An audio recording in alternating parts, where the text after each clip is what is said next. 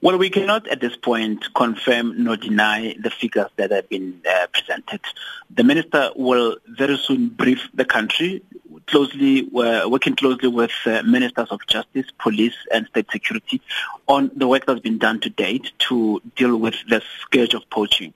And the ministers will talk to the issue of the arrest as well, as well as other interventions across the country to deal with poaching. Modise is bewus van die saak teen van Zyl Roux.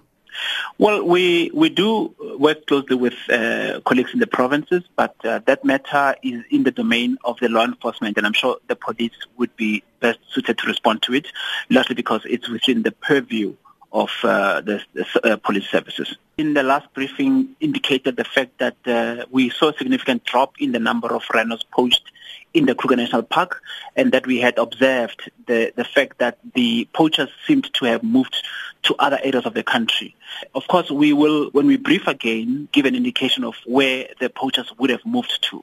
So at this point, it would be premature of us to say indeed they've moved to KZN or not, but we had observed a, a pattern where they had moved to other provinces. And the last figure that we released for 2016 showed an increase in other provinces. We will, when we release the 2017 figures, get an indication of where the poachers might have moved to.